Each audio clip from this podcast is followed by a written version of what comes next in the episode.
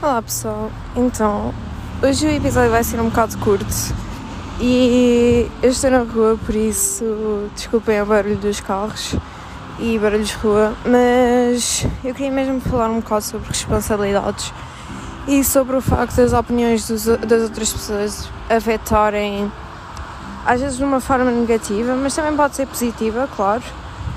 Um, a nossa tomada de decisões e aquilo que nós queremos para o nosso futuro.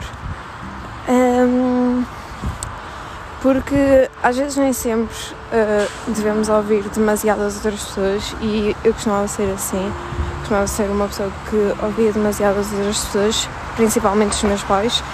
E atenção, isso é uma coisa boa, devem sempre ouvir os vossos pais, uh, sobretudo se vocês tiverem menos de 18 anos devem ser sempre a ouvir a opinião dos vossos pais e fazerem aquilo que eles acham que é melhor para vocês, porque muito possivelmente é mesmo o melhor para vocês. Um, mas às vezes seja uma opinião dos vossos amigos ou de um familiar assim um bocado mais distante que não vos conheça mesmo bem, um, às vezes isso pode influenciar de uma forma não tão positiva Hum.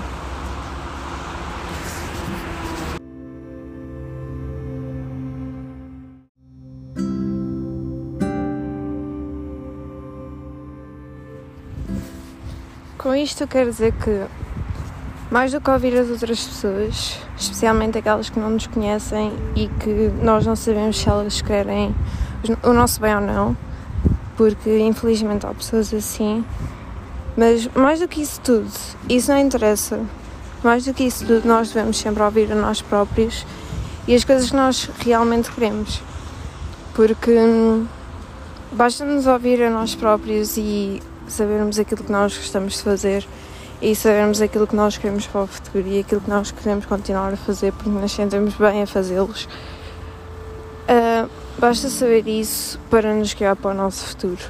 Acho que basta nós sabermos simplesmente a nossa verdade e hum, sabermos aquilo em que nós acreditamos e a partir daí fazemos as escolhas em direção àquilo que nós queremos realmente.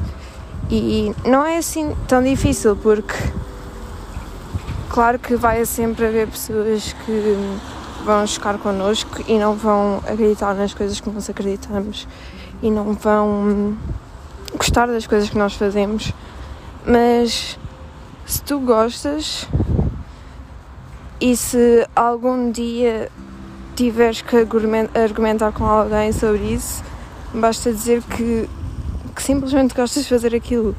E qualquer argumentação ou qualquer explicação do porquê de estares a fazer isso vai ser o mais genuíno para ti e se calhar a pessoa das duas uma vai perceber isso ou simplesmente vai-te deixar ir porque não percebe e não consegue argumentar de volta. E mesmo afinal de contas, uh,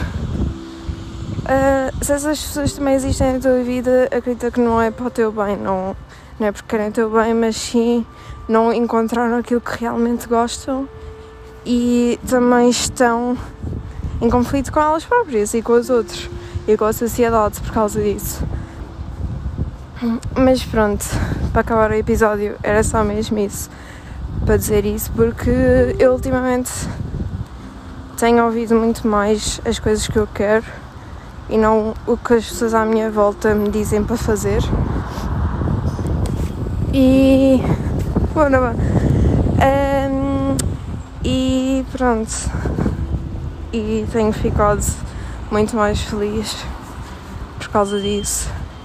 E tenho visto mesmo a minha felicidade aumentar a partir das coisas, as escolhas que eu faço, que são as mais genuínas que podem ser. Mas pronto, é assim para acabar o episódio. E obrigada e até ao próximo episódio.